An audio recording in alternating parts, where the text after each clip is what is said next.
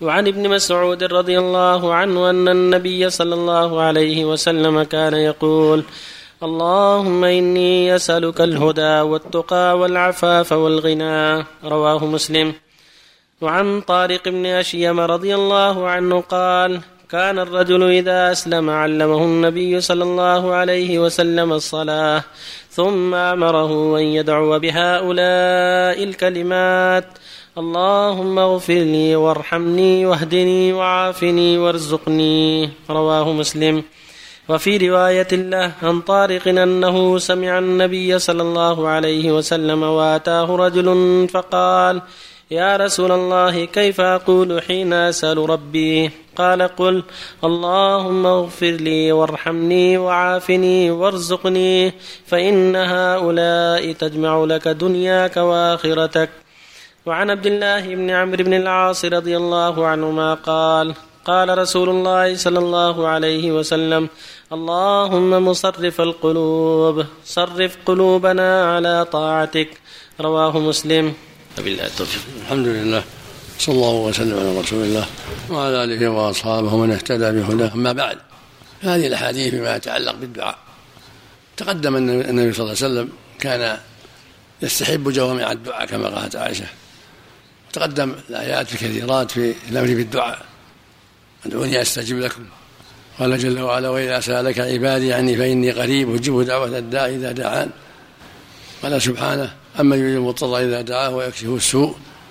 قال جل وعلا ادعوا ربكم تضرعوا وخفيا انه لا يحب المعتدين ولا تفسدوا بعد إصلاحها وادعوه خوفا وطمعا.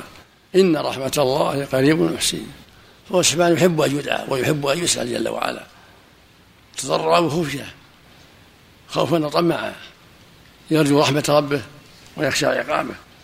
وفي الدعاء اعتراف بأنه سبحانه سميع قريب مجيب للدعاء غني كريم يحب أن يدعى ويحب أن يسأل ويحب أن يجود على عباده سبحانه وتعالى. ولهذا كان الدعاء له شأن عظيم. وكان يستحب جوامع الدعاء عليه الصلاة والسلام ومن ذلك اللهم إني أسألك الهدى والتقى والعفاف والغنى. هذا من جوامع الدعاء. اللهم يا مقلب القلوب ثبت قلبي على دينك. اللهم يا مصرف القلوب صرف قلبي على طاعتك. وكان يكثر من الدعاء. يا مقلب القلوب. ويحلف بذلك لا لا مقلب القلوب. فالدعاء بهذا الدعاء من جوامع الدعاء. اللهم يا مقلب القلوب ثبت قلبي على دينك. ويا مصرف القلوب صرف قلبي على طاعتك. من جوامع الدعاء اللهم إنك عفو تحب العفو عني. ومن جوامع الدعاء ما كان يعلمه من أسلم بعد أن يعلمه الصلاة. اللهم اغفر لي وارحمني واهدني وارزقني وعافني. هذه دعوات عظيمة يدعى بها بين السجدتين. أيضا مع رب اغفر لي. اللهم اغفر لي وارحمني واهدني واجبرني وارزقني وعافني. دعوات عظيمة.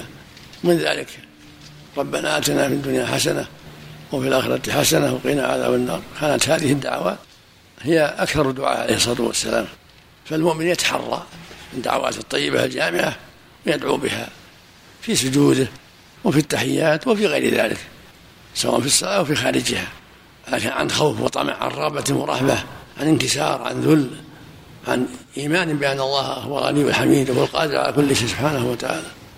نسأل الله الجميع التوفيق نعم شيخ لو صلى الرجل مع النصارى مجاملة أو دخل كنيسة مجاملة لهم حكم يا شيخ؟ يصلي مع النصارى. عيسى ولا من يصلي له؟ صلى أي صلاة معهم فيه. لا يصلي معهم ولا يجاملهم ولا يدخل خلائق إلا لحاجة ولا للدعوه إلى الله والتوجيه ولا لضروره مثل برد أو مطر أو شبه ذلك. من شبه بقوم فهو منهم نسأل الله العافية. ما حكمه؟ من فعل هذا؟ ما حكمه؟ يعلم قال له لا ما يجوز هذا. إذا كان أراد التعليم والتوجيه يكون غير هذا. يعلمهم من غير يصلي معهم. من صلى العيسى كفر. نسأل الله العافية. أما أن صلى لله يكون بدعة. يكون غلط. إذا كان عنده علم شرعي يعني لديه علم هل تقوم ما ما في داعي قيام الحجة عليه؟ لا يعلم بس يعلم. لا جهل جهل من يكون علمه ناقص. لأن الرسول صلى الله عليه وسلم نهى عن سب المشركين ومن سبها بقوم فهو منهم. فإذا أراد الدعوة يدعوهم بغير سبهم بغير يصلي معهم وغير ان يحضر اجتماعاتهم في عيد لهم أو غيره. لا يحضر اجتماعاتهم ولا يصلي معهم ولا يشاركهم في الشيء الذي هو من شعائرهم. صلى الله نعم. رب اغفر لي وارحمني وعافني في حديث حذيفة أن الرسول قال في صلاة الليل من فعله هل يفهم من فعله على الاستحباب؟ نعم. يدعو في النبي صلى الله عليه وسلم دعاء طيب. اللي يدعو النبي دعاء طيب؟ والسنة تكون فعله وقوله وتقريره عليه الصلاة هل والسلام. ثبت أن الرسول قاله أحسن الله إليك في الصلاة يقول واجب بين السجدتين ما أتذكر شيء. علمه الأمة يكفي نعم. في معية الله عز وجل. كل الناس في معية الله. كل الناس. المعية هذه وهو معكم أينما كنتم. يعني في علمه وإحاطته جل وعلا. وهو فوق العرش.